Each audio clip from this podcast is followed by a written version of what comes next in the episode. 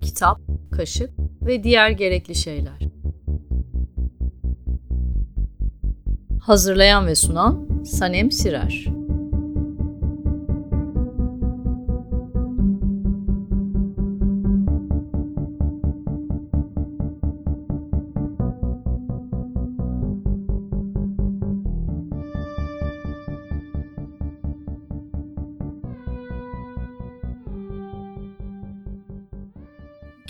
Kaşık ve diğer gerekli şeylere hoş geldiniz. Programda bugünkü konuğumuz çevirmen Begüm Kovulmaz. Merhaba Begüm. Merhaba. Köklü bir editörlük ve ondan daha uzun bir çevirmenlik geçmişim var. Ve bugün seninle e, Colson Whitehead üzerinde konuşacağız ama ona geçmeden önce e, senin hikayen nerede, nasıl başladı onu sorayım. Benim yayıncılık hikayem aslında üniversite döneminde başladı diyebiliriz. 2000 yılında İngiliz Dili Edebiyatı'ndan İstanbul Üniversitesi'nden mezun oldum. Ondan önce de okuduğum bölüm dolayısıyla az çok bu işleri yapacağımı biliyordum. Hani çeviri yapacağımı ya da yayın evlerinde çalışacağımı. Hatta son sınıftayken ben iş kültür yerinden bir yapılanmaya gidiyordu. Ankara'dan İstanbul'a taşınıyordu. O dönemde ben ve işte bölümden başka arkadaşlarım orada çalışmaya başlamıştık. İlk çevirimi de oraya yaptım. Kipling'in işte öyle hikayeleri. 99'un sonunda çıktı o. Yani yaklaşık 20 yıldır o zamandan beri aralıksız bir şekilde çeviri ve editörlük yapıyorum diyebiliriz. Çok sevdiğim bir yazar Kipling. Yeniden vakit ayırmayı umduğum çok sevdiğim bir yazar. Bu Twitter'daki e, nick'in de oradan geliyor. Evet,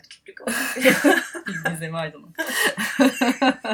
o zaman e, 20 yıla yakın bir çeviri geçmişim var. evet, Kaç kitap biliyor musun? Küçük bir yayın evi kadar olmuşsundur. Kitap sayısını bilmiyorum. Yüze yaklaştığını tahmin ediyorum. Ama aslında e, sayının çok önemli olduğunu düşünmüyorum. Nitelikli kitapları iyi bir şekilde yapmış olmanın çok daha önemli olduğunu düşünüyorum. Aslında. Elbette. Evet, tabii ki. Evet, çünkü yani sayı çok önemli değil bence. İşte iş kültürü ilk o bölümü anlatayım çünkü aklımda Hmm. takılacak. İlk çevirimi oraya yaptım. Sonra Everest'te o zaman Osman Akınay vardı. 2001 yılı olması lazım. Osman Akınay'ın yanında editör yardımcısı olarak çalışmaya başladım. İlk editörlük deneyimim öyle başladı. Onunla birkaç sene çalıştık Everest'te. Ben edebiyat ağırlıklı kitaplar yaptım. Sonra Akınay Everest'ten ayrılıp Agora'yı kurduğunda Agora'ya gelmemi istedi. Agora'ya geçtim ben de. Birkaç sene de orada çalıştım. Orada biraz daha fazla işte siyaset, politika, New Left Review seçkisi editörlüğü bile yaptım mesela. Birkaç sene de öyle çalıştım. Bu arada sürekli çeviri yapmaya devam ediyordum. Sonra bir süre ara verdim. Biraz sinema okudum. Sinema ile ilgili bir şeyler yapmak istedim. Ama işte çeviri ve editörlük gibi işlere elini veren kolunu kaptırır. Biliyorsunuz ki bilmeyenler öğrensin. O yüzden kendimi yine yayın evlerinde buldum. Yapı Kredi'de çalışmaya başladım editör olarak. O herhalde en uzun 6 yıl kadar orada kaldım işte. 2013'te ayrıldım. 2006'da ya da 5'te girmiş olmam lazım. Orada da yine işte edebiyat editörlüğü, çok fazla sergi katılığı, her türlü metin elimden geçti. Biz de seninle Yapı Kredi'de editörlük yaptığın dönemde tanıştık. Evet. E, tam hatırlamıyorum aslında nasıl ve ne zaman tanıştığımızı ama ilk e, benim seninle yani sen olmadan tanışmam e, Salman Rüştü çevirmenimle olmuştur. Yani ben seni zaten tanıyordum seninle tanışmadan önce. Ve sonra Joshua Ferris'in Makul Makul Bir Saatte Saatte. Yeniden Uyansam değişik bir metindir. Evet. E, on- onun çevirisi üzerinde çalıştık. Ve şu anda da Colson Whitehead'in Yeraltı Demiryolu ve Nikel Çocukları Ha, üzerinden Yapıp e, koyduk. Yok yaptık koyduk. Başka kitaplarımız da var. Bugün de zaten bu özellikle nikah çocuklarından bahsedeceğimiz bir gün olacak. Ee, Ona geçmeden şeyi de sorayım. Hem editörlük hem çevirmenlik ikisini de profesyonel olarak yapmış birisi olduğun için neden çeviriyi tercih ettin editörlüğe? Biraz ihtiyaç olduğunu çok net bir şekilde gördüğüm için iyi çeviriye ve çevirmenliğe biraz da e, bu işin mutfağında uğraşmayı en çok sevdiğim şey e, birebir metinler olduğu için. Yani metinle baş başa kalmayı çok sevdiğim için çeviri bana her zaman zaten her zaman çok seviyordum. Editörlükte aynı yakınlığı bulmak mümkün değil. Özellikle iyi bir çeviri söz konusu değilse editörlük yapmak çok zor bir iş. Çok sıkıcı, bunaltıcı bir iş. Sen de daha iyi bilirsin. bilirsin. Yorucu bir iş. olduğunu. Ee, Çeviriyi hep çok fazla seviyordum.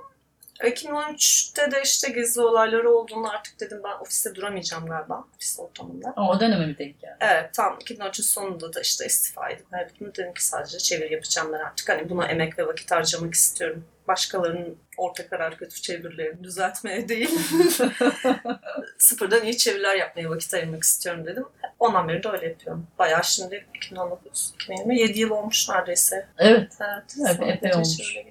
Nikel Çocukları Colson Whitehead'in Yeraltı Demiryolu romanını takip eden ve gerçeklere dayanan bir hikaye. Şimdi kitaba dair e, konuşmak kolay değil elbette çünkü okumamış birilerine bir şeyleri, bir, bir takım şeyleri açık vermememiz gerekiyor kitaba dair ama e, yine de kitabın çerçevesi hakkında konuşmamız gerek diye düşünüyorum. Kurmaca bir eser, özellikle bu eser hakikatlere dayanıyor dediğimizde ne diyoruz? Yani bu e, neden bahsediyoruz? Nikel çocuklarının hakikati nedir? Nasıl anlatırsın? Ondan önce ben aslında Colson Whitehead'i seçtiğin için yıllar önce Bölge Bir isimli bir zombi romanı olan kitabını yayınlayıp sonra da kendisine ısrar ettiğin için sana çok teşekkür etmek istiyorum. Çünkü ben senin sayende tanıştım bu yazarla. İlk bana hani Yeraltı Demiryolu'nun çevirisini önerdiğinde ve çevirisini yaptığım için en çok sevindiğim yazarlardan biri. O yüzden sana çok teşekkürler. Şimdi yüzümde bir gülümsemeyle dinliyorum evet.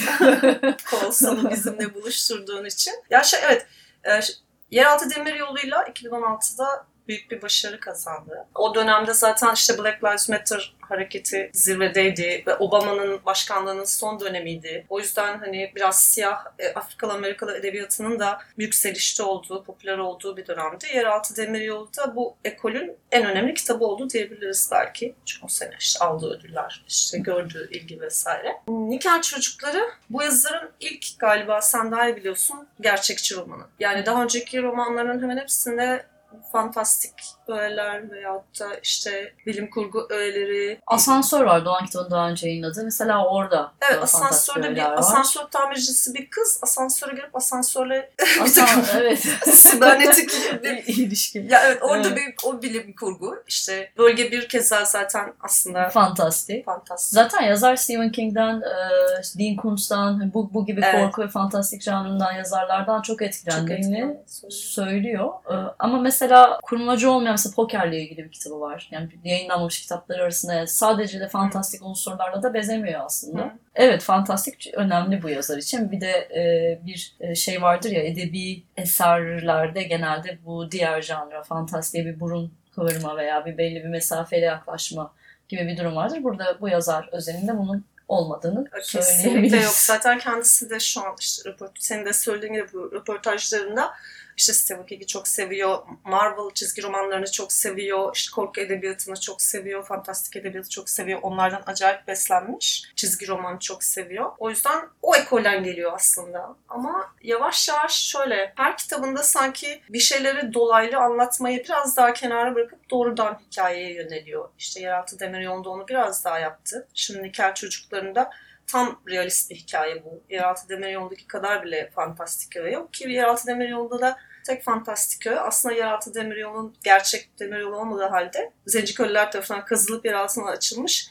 e, büyük bir demiryolu olarak anlatılması. Hı. Ki onun söylediğine göre yazarım bunu da pek çok insan gerçek sanıyormuş okuduğunda. Hani bu, bu evet. böyle zaten. Böyle bir evet. demiryolu sistemi varmış diye düşünüyorlar. Halbuki yok. O yeraltı demiryolu şey e, kölelerin kaçmasını sağlamak için, işte kölelikten kurtulmasını sağlamak için insanların kurduğu bir network kendi evet, aralarında. Bir bira yani güvenli evlerden kaçtıktan sonra kuzeye gitmeye çalışırken o, o güzergahta e, geceleyebilecekleri veya yardım alabilecekleri e, belli e, noktalardan oluşan resmi olmayan kulaktan kulağa ile yayılan bir destek sistemi. Böyle bir demir yolu tabii ki yok ve ama kitabın işte yegane fantastik unsuru kuzeye kaçmaya çalışan ana kahraman Kora'nın her eyaletten diğerine böyle bir e, yer, yer altına inip bir tren yolculuğuyla ulaşması ve her gittiği eyalette de aslında farklı bir manzarayla karşılaşması. Yani bir, bir açıdan da şey bence bu. Anlatı için kullandığı bir teknik öyle bir teknik ki başka türlü bu kadar çok eyaleti kapsayan evet.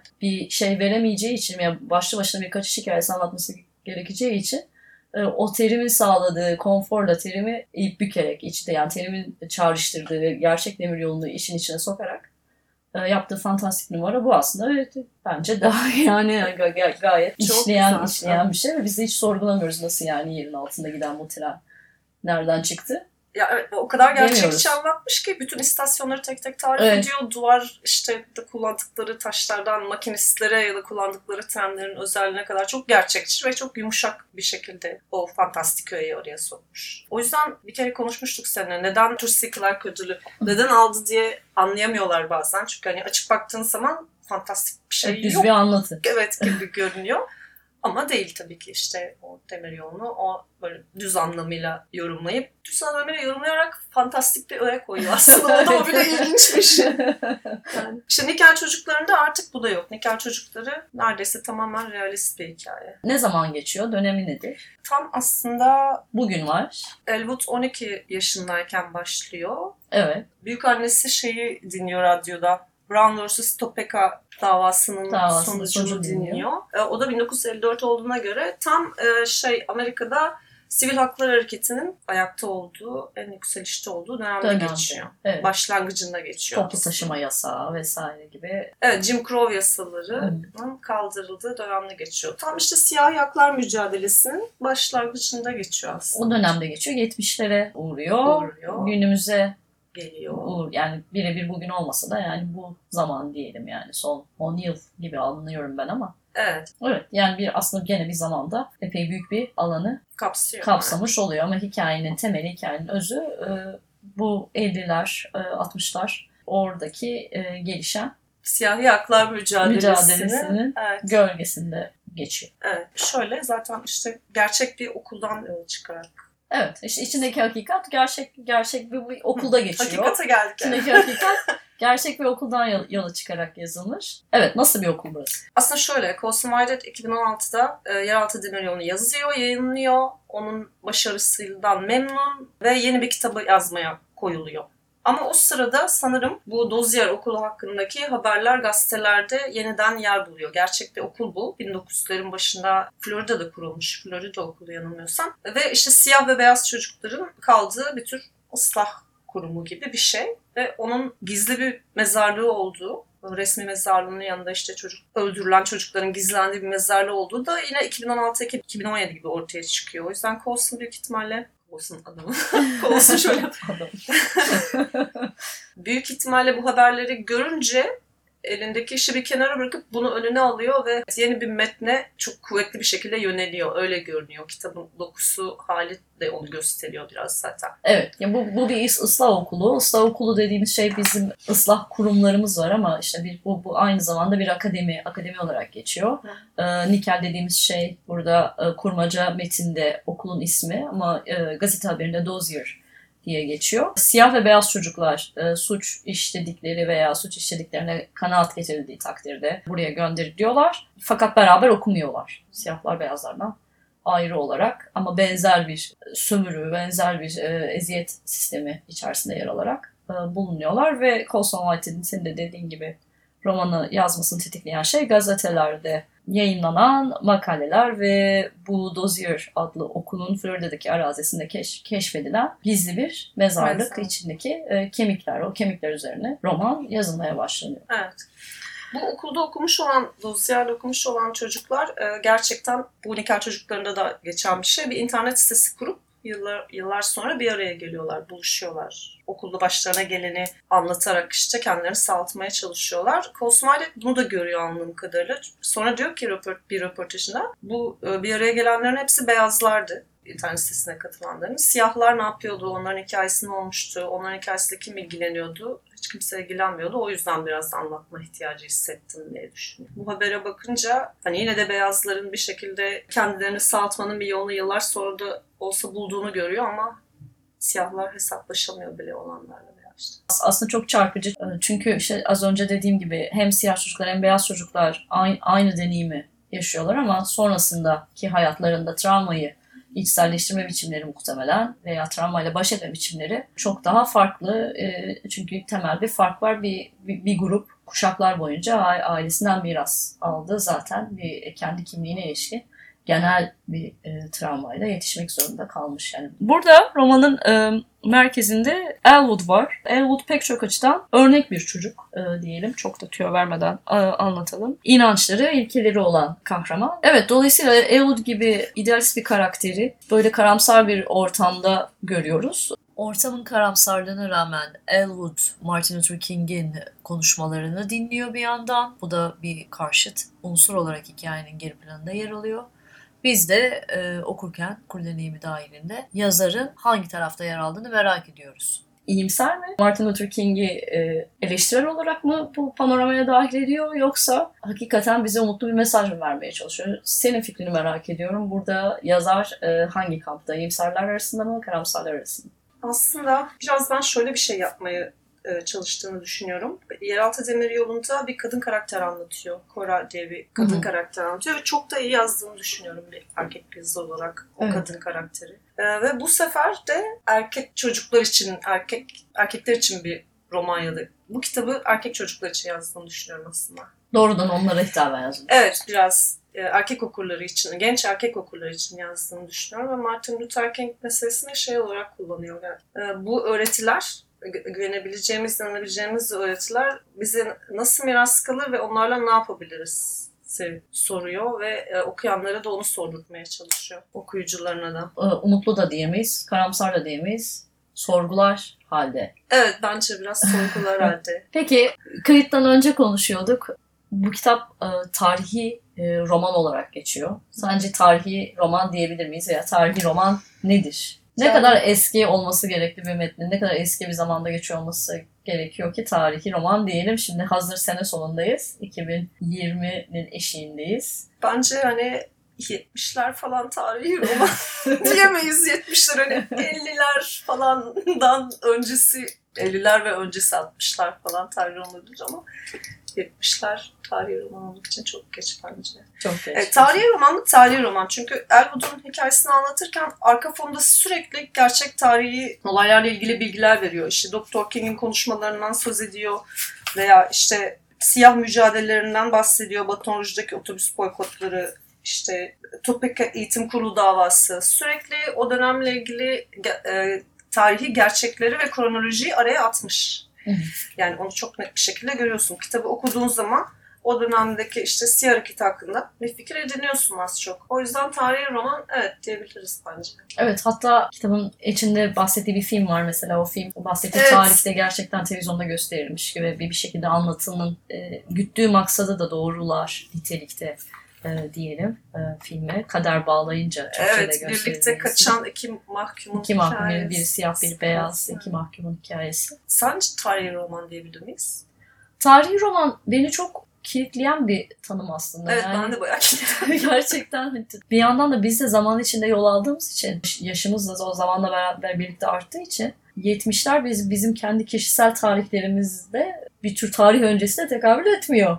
Hani bir, bir başlangıç olabilir 70'lerde doğmuş büyümüş insanlarız. Dolayısıyla tarihi roman dersem kendi yaşam deneyimimde bir e, belli bir şekilde kategorize etmiş olacağım. E, buna çok e, itibar etmiyorum açıkçası. Yani bu daha çok Goodreads'de mesela en iyi e, roman kategorisinde e, historical fiction, tarihi roman başlığında yer alması bana Hı ilginç geldi. Platformun e, ağırlıklı e, kullanıcılarının yaşları üzerinden hesaplanmış bir şey olabilir. Kütüphaneler üzerinden hesaplanmış bir şey olabilir. Kütüphane e, kategorizasyonları üzerinden hesaplanmış bir şey olabilir. Bizim için tabii burada e, biz hala işte kendi öykülerimizi düşünürsek 70'lerde 80'lerde geçen hikayeleri tarihi gözüyle bakmıyoruz. Bizim için tarihi işte İkinci Dünya Savaşı. Evet. En, en en yani tarih Aynen. şey. İkinci Dünya Savaşı ve öncesi. Ve ben açıkçası tarih roman diye duyduğumda 19. yüzyılda geçen bir hikaye canlanıyor. Mesela Yeraltı Demiryolu tarihi roman mıdır? Ta- ona tarihi roman diye dememiz için belli bir gerçekçi altyapıyı varsaymamız lazım. Onu aşıyor bence. Ona da tarihi roman demek istemem. Yani sanırım tarihi roman tabiriyle bir tek şey, bir tek şunu ayrıca düşünebiliriz. E, Afrikalı Amerika edebiyatı çok yeni bir tür. Hı hı. Yani 1900 yani Harlem 1950'lerde başlamış bir tür. Ondan öncesi sadece işte kölelik karşıtı yazıtlar yazıyor işte siyah edebiyatçılar. Bir tür direniş edebiyatı da genelde e, kurmaca dışı şeyler yazıyorlar. Hani siyahların Afrika'daki şey, Afrikalıların Amerika'daki durumunu anlatan kitaplar yazıyorlar ve e, siyah edebiyatı işte 1920'lerde yavaş yavaş doğmaya başlayıp 50'lerde iyice, güçlenen bir şey. Dolayısıyla çok genç olduğunu düşünürsek onun skalasında Evet. 1950'lerin anlatılması tarihi bir yere denk gelir, Geliyor geliyor olabilir, 50'ler evet. 60'lar. Evet. Ama hani genel edebiyat tarihi açısından da tabii hiçbir şey değil 50'ler. Çok yakın. Evet. Bir de bir de dediğim gibi bu şeyden şeye değişiyor. Coğrafyadan coğrafya işte İngiltere'de Evet. ve biraz daha farklı oluyor. Amerika'da daha farklı oluyor. Bizim yetişkin kategorisine aldığımız kitaplar işte atıyorum genç yetişkin Hı. olabiliyor. Buradaki o, o dinamikler, o şeyler tamamen e, o alandaki hakim ve uzman olan e, kimselerin, genelde kütüphanecilerin e, yönlendirmesi ve belirlemesiyle oluşuyor. Biz de buradan bunları aktarmaya çalışıyoruz. Ama mesela bu kitapta tarihi roman mıdır değil midir tartışılır ama bana daha eski zamanlarda geçen bir romanı anımsatmadı değil. Ee, o da Oliver Twist. Çok Ha, sevdiğim evet. e, bir kitap. Ergenlik çağındaki erkek çocukların yer aldığı bir ortam olduğu için ve bu ergen çağındaki o erkek çocukların öksüz veya öksüz olmasalar bile başlarında ana babaları olmadan e, bir takım sıkıntılar içerisinde yaşadıkları bir mizansen olması dolayısıyla e, bana onu çağrıştırdı ama başka pek çok metine de e, ilişkilendirilebilecek veya referansları saptanabilecek bir kitap. Sen ne dersin? Bu kitap aslında bence nikah çocuklarında e, e, Amerikalıların özellikle kutladığı şey kitaptan çok yazar yazarın ortaya çıkışı. Colson Whitehead bu kitapla yeni bir şey, yeni bir e, yeni kendini yeniden ortaya atıyor ve hani 200 sayfalık bir kitap bu ve bu kitapta diyor ki ben artık benim metin hakimiyetim çok yüksek. Yani ben elime aldığım her konuyu evire çevire her türlü başka metinle konuşturarak işte e, e, gayet ekonomik bir şekilde ama çok sağlam bir şekilde anlatabilir mi? Biraz ortaya koymuş. Mesela Oliver Twist sonuçta bu bir evet yetimhane hikayesi aslında. Bir yetimhane hikayesi dediğimizde bu işte İngiliz edebiyatındaki yetim çocuk hikayesi klasik. Şey Harry Potter ya da işte şey Hı. e, Oliver Twist ya da işte. E, o ekolün yani o geçmişin farkında olduğunu göstererek yazmayı başarıyor. Zaten kitabın içinde bir yerde e, Dickens'ın adı da geçiyor. Yani o dönem romanları da geçiyor. Çok net bir şekilde değil ama Başka referansları veya da benzetebileceğimiz veya yanına koyabileceğimiz metinler ne olabilir? Onu, onu konuşuyorduk. e, o kadar fazla ki her açtığında yeni bir şey görüyorsun. Bir e, polisiye gibi başlıyor. Bunu hani birkaç kişi Evet. söyledi. Gizli bir mezarlığın bulunmasıyla başlıyor. Sonra e, birinci bölüme geldiğimizde asıl karakterini asıl iki karakterinden birini tanıtıyor. Çocukluğundaki bir olayla Elwood'u anlatıyor. Bence o bölüm mesela tamamen Stephen King. E, onun tam yapacağı bir şey. Karakteri hakkında ona üzülmemizi, acımamızı sağlayacak ve onu tanımamızı, sempati duyarak tanımamızı sağlayacak bir anekdot, bir anekdot hikaye anlatmak. Ansiklopedi hikayesi. Hı hı. Bu tam bir Stephen King numarası, başlangıcı. Bunu, bunu direkt yapıyor. E, Çok fazla o dönemin edebiyat metnine, işte sinemaya, müziğe çok fazla gönderme var. Kitabın soundtrack'ini hemen koyuyor. Mesela işte başlıyor hikaye. Elwood'un e, Motown şarkılarını dinlemesi yasak. Onu öğreniyoruz. Çünkü Motown grupları veya işte müstehcen şey, sözleri olabildiği için o dönemin şarkılarını dinleyemiyor. Onlar edepsiz, evet. Evet, büyük annesi izin vermiyor ama hani en baştan zaten dönemin müziği Motown kafamızda çalmaya başlıyor bir şekilde sokuyor. Bu tür şeyleri çok iyi yapıyor. Yerleştirmeyi çok iyi yapıyor. Az önce söylediğim gibi işte filmden söz ediyor. Kader bağlayıcı. Kader bağlayıcıdan. The Defiant Ones. Bunları çok güzel yerleştiriyor. Zaten bu tür sürprizlerle dolu kitap. Mesela şey, dönemin dönemsel popüler kültür öğeleri çok güzel yediriyor içeriye. İşte Life dergisini anlatıyor uzun uzun bazı yerlerde. Elwood'un neler okuduğunu, işte neler izlediğini, e, dönemin gazetelerini, işte siyahi gazeteleri, ne var ne yoksa onları o kadar tatlı bir şekilde yerleştiriyor ki hepsini görüyorsun, öğreniyorsun ama ders almamış oluyorsun. Hani hikayeye dahil bir şekilde hikayenin parçası Evet. olarak görüp öğreniyorsun. Onu çok iyi yapıyor. Arka plan olarak oluşturuyor. Evet, Ee, çalıştığı dükkanda market, küçük bir markette çalışıyor. Mesela onun İtalyan sahibi, e, gelen siyahlar, oradaki göçmen e, nüfus üzerinden kurguladığı şey, onların arasındaki gerilim vesaire onlar hep e, arka planda veya işte kendi Elwood'un ana babası üzerinden anlatılan hikayede de bir başlı başına roman olabilecek bir hikaye. e, imkanlar bırakıyor. Whitehead konuşmanın başında sen söyledin. Bizim ilk yayınladığımız romanı Bölge 1 adlı romanıydı. Bu bir edebi zombi romanıydı. Kitabın hiçbirinde zombi lafı geç, geçmeksizin bir salgın hastalıktan sonra e, New York şehrinde e, enkaz sıkıntılar arasında e, yeniden medeniyeti e, bir ihtimal kurmaya yönelik çabalayan hastalık kapmamış insanların daha çok bir medeniyet eleştirisi olarak yani e, bir tür özet gibi e, sembolik bir metinde. Hı hı. Benim çok sevdiğim bir metindi. Ben de Evet. çok beğendim onu. Çok hareketli ve Çok güzel buldum. Dili daha e, biraz daha şıngır mıngır, biraz daha şey kalabalık, Evet, biraz çok daha betimleyici, oyuncaklı. çok Evet, betimleyici, betimleyici. Ama çok güzel bir kitap. e, Algan Sezgin türleri içerisinde yayınlanmıştı. Bence de yeni, yeni yenilikçi bir şeyler arayan e, okur için e, heyecan verebilecek bir metin.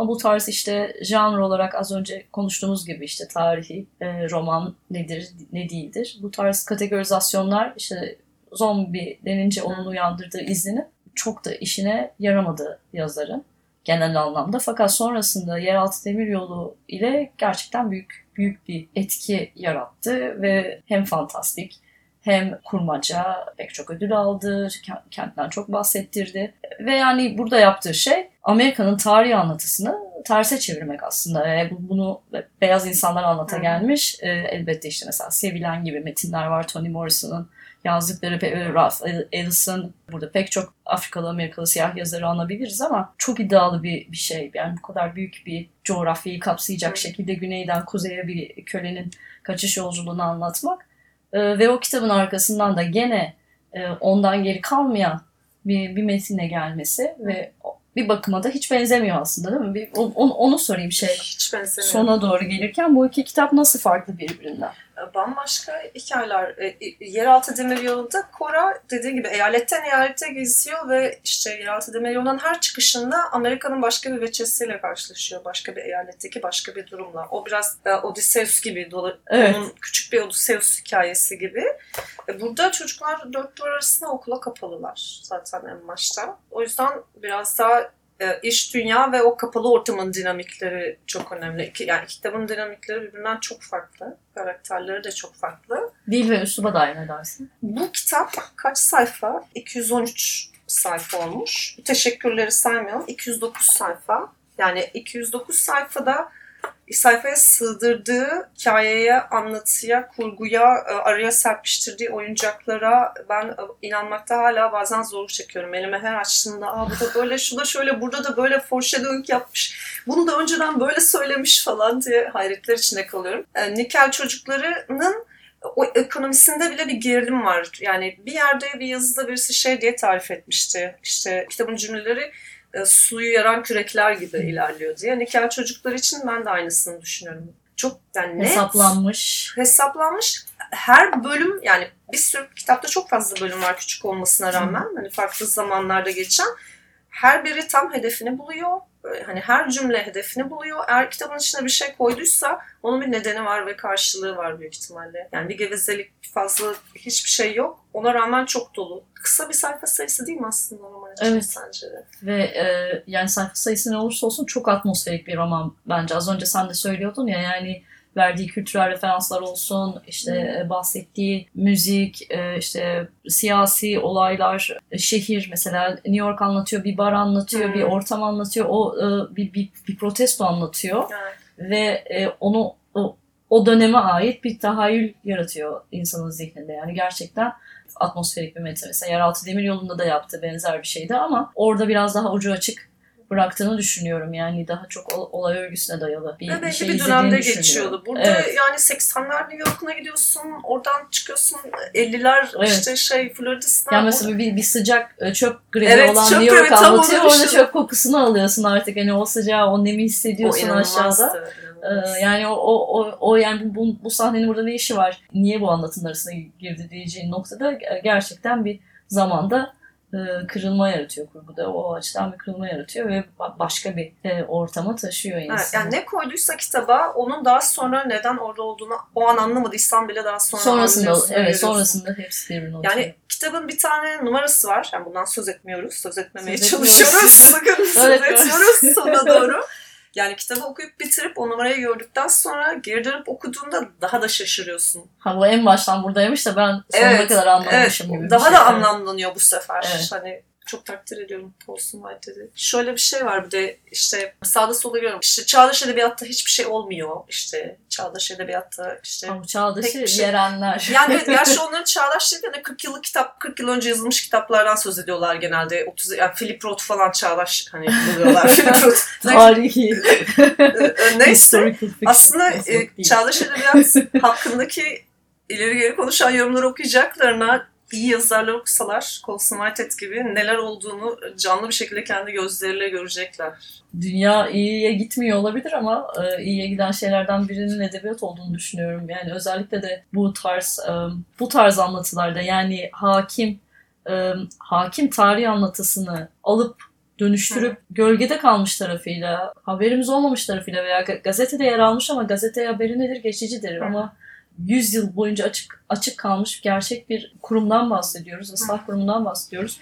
Bunun üzerinden bir hikaye yarattığınız zaman o zaman bunun unutulmamasını sağlamış oluyorsunuz. Aslında hafızaya dair bir şey yapıyor Colson Whitehead burada. Bu şey, yeraltı demir yolunu konuşurken e, atladık orasını şey dedik. Gerçeğe dayalı unsur fantastikle kurmacayı bir araya ge- getirdiği bir metinde ve böyle birebir gerçeklikten yol çıkan bir hikaye değildi. Gerçi orada da bölüm aralarında kayıp köle ilanları kullanmıştı ki bunları da dönemin e, Gazetelerinden e, almış ve beni mesela okurken en çok etkileyen Evet. şeylerden biri o ilanlar, ilanların dilindeki Hı. sakillik kölenin tanımı itibariyle ne olduğunu zaten ilandaki eksiklikle anlıyorsun. Anladım. Yani Ama Colson Whitehead'in şöyle bir şey de var. Ee, Çok ağır konuları ele alıyor. Bir ilkinde yeraltı demir yolunda köleliği anlattı. Yani kölelerin ne işkenceler çektiğini az çok tahayyül edebiliyoruz. Bunda da bir ıslah evinde çocukların başlarına neler geldiğini tahmin edebiliyoruz. Ama kurbanları hiçbir zaman kurbanlaştırmıyor. Her zaman saygılı bir mesafede duruyor Evet. onlara. Hiçbir zaman cılkını çıkarmıyor veya işte kolayca klişeleşmiş basma kalıp bir e,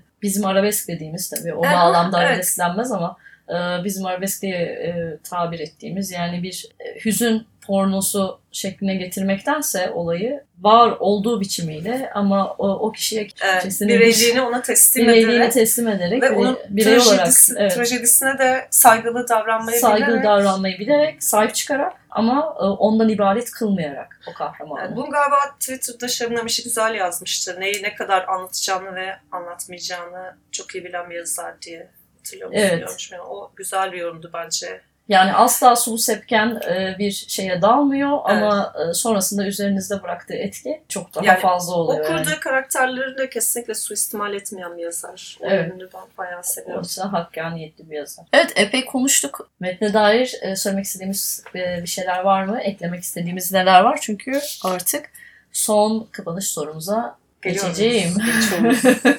Yani e, ben bu kitabı çok büyük hayranlıkla okudum. Çok sevdim. O yüzden sadece çok güzel şeyler söyleyebilirim bu kitap hakkında. Ki bu da bunu da söyleyeyim bir editör için hep hep istediğim şey, çevirmenin çevirdiği metni sevmesi, sahiplenmesi vesaire ama hani nadiren olan bir şey. Bu çevirmenin çevirdiği metni bu kadar çok sevmesi veya bu kadar çok sevmek de aslında biraz şey kalıyor, yetersiz kalıyor. Yani metne bağlanması, bir bağ kurması metinde yani ger- gerçek gerçek manada bir bağ kurması. Hı. O yüzden benim için de çok o sevindirici, mutlu edici bir şey. Çünkü ben orada artık bir şey değilim yani sen ve nikah çocukları ayrı bir şey kurmuş Kendi. Ben yokum orada. kendi ekonomisi oluşturuyor.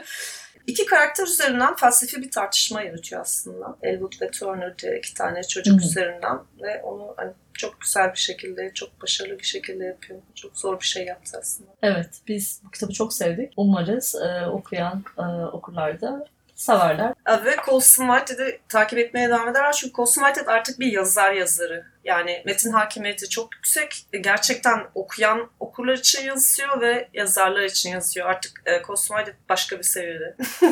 ya, bilmiyorum bunu böyle söylemek Başka doğru mu? Ama öyle olduğunu düşünüyorum ve gerçekten inanıyorum. Yani çok, bu çok kalıcı bir yazar olacak. Evet, çağdaş olmaktan gurur duyduğumuz ve bir sonraki kitabını heyecanla bekleyeceğimiz e, az sayıda değerli, kıymetli Evet. E, ve benzersiz. Ee, komik ve süper tweetlerini yakından görebileceğiz ve müzik zevkinden söz etmemiz gerekir mi sence? Evet, müzik zevkten söz söz etmemiz gerekir. Çünkü bir teşekkürler bölümünde e, genelde e, hangi şarkıları dinlediğini, hangi müzikleri dinlediğini her zaman yazıyor ve e, müzik zevki e, süper tabii ki. Mesela Yeraltı Demir Yolu'nda e, Sonic Mis- dinlemiş. Sonic Youth Misfits dinliyor. Misfits dinlemiş. yani e, David Bowie dinliyor çılgınlar gibi. Evet, yani fantastik bir e, köle kaçış öyküsü kaleme alırken e, Sonic Youth eşliğinde gerçekten hoş. Hoş ne diyelim. Süper daha ne yapsın adamcağız. Ee, Bunda pek müzikten müzik geçmiyorsun. Bunun teşekkürlerine müziği söylemiyor ama punk, post-punk, 90'lar, indie rock, Indie araya rock. Prince falan sıkıştırıyor hatırlayabildikleri ama Yani müzik zevki bir harika. seviyoruz. Tamamen subjektif. Ee, evet şimdi epey konuştuk. Kapanış sorusu olarak e, sana hazır sene sonunda da olduğumuz için bu kitabı çok sevdiğini bunu biliyoruz. Bundan bahsettik zaten. Hazır sene sonuna da geldiğimiz için bu sene neler okudun? Tavsiye etmek isteyeceğin kitaplar var mı? Neler izledin? Bu yıla ilişkin dinleyicilerimize yeni yıl gelmeden bu sene olmuş, bitmiş veya bu sene senin keşfettiğin şunları şunları kaçırmayalım der misin? Çok zor bir soru.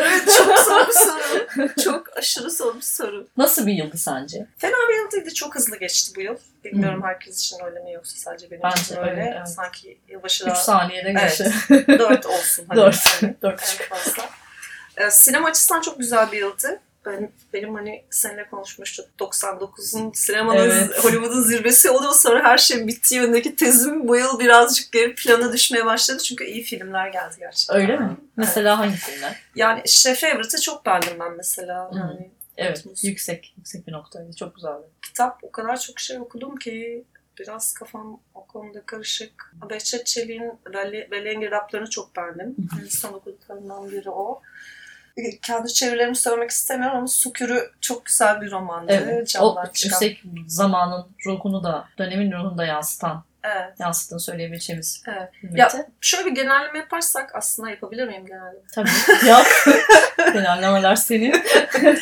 Biraz e, dünya edebiyatında bu şey döneminin e, bittiği bir zamanı yaşıyoruz. İşte bu dahi beyaz erkek romancı vardır ya işte Mümkün mü sence? kesinlikle bitti. Yani işte atıyorum Philip Roth gibi, David Foster Wallace gibi veya işte başka kim var işte Hepsi. hepsi işte Will Self gibi. Geçenlerde Will Self e, Twitter'da şey yapıyordu. Geçen dedim işte geçen e, Twitter'da atıp tutuyor işte milenyallar kitap okumuyor, gençler şöyle böyle falan. E, oğlu gelmiş altına şey yazmış. Çok güldüm ona. Ya siz babama bakmayın kitapları satmıyor o yüzden. Okey, boomer. evet okey boomer diye. E, Şu an biraz öyle bir dönemdeyiz. Yeni sesler duymak istiyor insanlar dünya edebiyatında. Zaten e, Amerika'da bile işte atıyorum e, vejetaryen mıydı romanın adı o Koreli yazar. Koreli hı. Yani bütün dünyada böyle bir küresel sesleri duymaya ihtiyaç var. Herkes onun peşinde. E, yeni sesleri duymak istiyorlar ve bunlar da hani bildiğimiz klasik Ivy League üniversitelerinde okumuş dahi beyaz e, işte. Anglo-Sakson Evet. er- erkekler kesinlikle değil. Yani onlara bir süre ara vermelerini tavsiye ediyorum. Biraz sanat sepetişlerinde. Ya ben bunu bir temenni olarak duyuyorum şu anda sana. Çok kolay değil o onlara e, hadi siz kenara geçin denmesi çünkü bütün e, her şeyi onlar kurmuşlar ve onlar yönetiyorlar aslında. E, ama evet böyle bir eğilim var ve e, okur okur nezdinde böyle bir eğilim var. İşte Martin Evet. Amis olsun işte e, hani bir- birçok el üstünde tutulan birçok yazar tam da bu nedenleri eleştirilerek yani çok tek tip bir deneyime dair Hı hı. yazdıkları için Hı. eleştiriliyor ve kimlik anlatıları, kadın deneyimine dair yazan. Yazarlar, göçmenlikten bahsedenler, işte e, hakim tarih anlatılarını Conson Whitehead gibi alıp bak işte böyle de bakabilirsin sana okulda anlattıkları, öğrettikleri gibi olmak Tabii. zorunda değil ya da bir şeyin çok geçmişte kaldığını mı düşünüyorsun? Bir daha düşün. E, diyen diyebil- diyebilecek yazarlar. Yani var olan şu anki hayatımızdaki düzensizlikleri, çarpıklıkları, adaletsizlikleri, kendi kişisel deneyimleri veya daha farklı şeyler üzerinden bakılmamış yerlere bakarak anlatan yazarlar ön plana çıkıyor gerçekten. Bu güzel ama senin de bunu Ya evet ben böyle ben değişik sesler duymak istiyorum artık. Yani işte e, Philip Roth'un 20. romanını okuyacağım ama atıyorum Sally Rooney'nin yeni romanını okumak istiyorum. Ne kadar e, işte nasıl nasıl yazılmış olursa. Ya o benim daha çok ilgimi çekiyor. Bence bütün dünyada böyle farklı sesler duymak istiyorum. Philip Roth mesela ben Philip Roth'u severim mesela. ya Yani ben de severim ama hani ya, Roth da Neden bahsettiğini anlıyorum. Ya evet yani bir bir şeye dair çok fazla mesaj alıp diğer mevzuyu, meseleyi bu kadar zaman karanlıkta bırakınca insanda da bir isyan duygusu gelişiyor ama niye bunu daha çok konuşmuyoruz. Veya işte Batı edebiyatının temelleri sayabileceğimiz, daha doğrusu onlar öyle sayıyor. İşte Yunan klasiklerini, işte o liseyi şunu bunu yeniden yazan kadın yazarları görüyoruz sürekli. Bir Batı edebiyatının temelini yeniden yazma furyası da başladı. Neyse ya. Evet onu Neyse onu öyle bir furya var işte tam yeterince gömdük, gömdüm, gömebildim. Umarım Mesela bu seneye dair bir şey söyleyeceksek e, şunu ben söyleyebilirim. Booker ödülü Margaret Atwood'un Testaments'ıyla Bernardine Evaristo'nun e, Girl Woman Other romanına verildi. BBC bunu haber yaparken Booker ödülünü Margaret Atwood ve bir başka yazar paylaştı diye e, başlık atarak internet sitesinde duyurdu. Bu mesela e, neden bizim hala işte bulunduğumuz yerde durduğumuzu açıklayan bir şey. Yani çok saygısız bir bir, Evet. bir e, davranış olmasının yanı sıra gazeteciliğin bütün temel ilkelerine aykırı olmasının yanı sıra bir yandan da görmezden gelinen siyah bir kadının e, başarısı tamamen üstü çizilen ve yanında daha yaşlı, daha oturmuş ve e, beyaz olan evet. belli bir geleneğin devamında yer aldığı söylenebilecek bir başkası. Yani burada iki yazarı birbiriyle e, çarpıştırmak değil mesele zaten asla öyle bir şey olmamalı ama bu anlatıların gündeme geliyor olmasının sebebi de yaşadığımız bu dahi adamlar Hı. ve onların beş katı uğraşmak zorunda Sonra olan kadınlar diyelim veya bunu diğer pek çok gruba uyarlayabiliriz. her işte beyazlar ve e, onların ulaştığı noktada ulaşmak için 10 kere daha fazla uğraşmak zorunda olan beyaz olmayan Evet. insanlar, yaşlılar, gençler olabilir vesaire. Yani bu bu dengelerin değişeceğini umuyorum diyorsun. Ona doğru gidiyor diyorsun. Bilmiyorum ben e, çok umutlu değilim. Değişeceğini Ama- düşünüyorum. Ona göre pozisyon almasını tavsiye ediyorum. Bütün yayıncıları, evet, okurları evet. Ona göre. Ona göre kendinizi hazırlayın. Güzel bir mesaj oldu. Yani Bilemedim. ben de böyle bakacağız. Bakacağız. Gelen tepkileri iletirsin. Ters bir şey olur. Çok teşekkürler Begüm. Ee, Güzel bir sohbet oldu. Sana çok teşekkürler sana. Umarım güzel bir sohbet olmuştur. Umarım devamını getiririz. Umarım Colson Whitehead hakkında e, konuşmaya ve konuşturmaya devam ederiz. Çünkü- Evet, sohbetimizin başlığı Colson Whitehead hakkında konuşmalıyız. Evet. İdi bittikten sonra da söylüyorum. Yoktu bir başlık ama resmi olmayan başlığımız bu olabilir. Ee, bu senin e, teaserında daha ziyade. Evet Whitehead hakkında konuşmalıyız. Ve hani illa beğeni, be- beğenmeme çerçevesinde değil de bu, bu yazar e, bu bahsettiğimiz türden bir dünyada da e, eserlerine kayıtsız kalmamamız gereken, anlattıklarına kulak vermemiz gereken bir yazar diye düşünüyorum ama ben onun editörüyüm o yüzden kararınızı kendiniz Ben de çevirmeliyim. Ben de öyle düşünüyorum. Kesinlikle takip edilmesi gereken bir eser olduğunu düşünüyorum. O zaman çok teşekkürler geldiğin için. Ben çok teşekkür ederim. dinlediğiniz için teşekkürler. Bize yazın. Adresimiz merkezkumanda.gmail.com Kitap, kaşık ve diğer gerekli şeyler.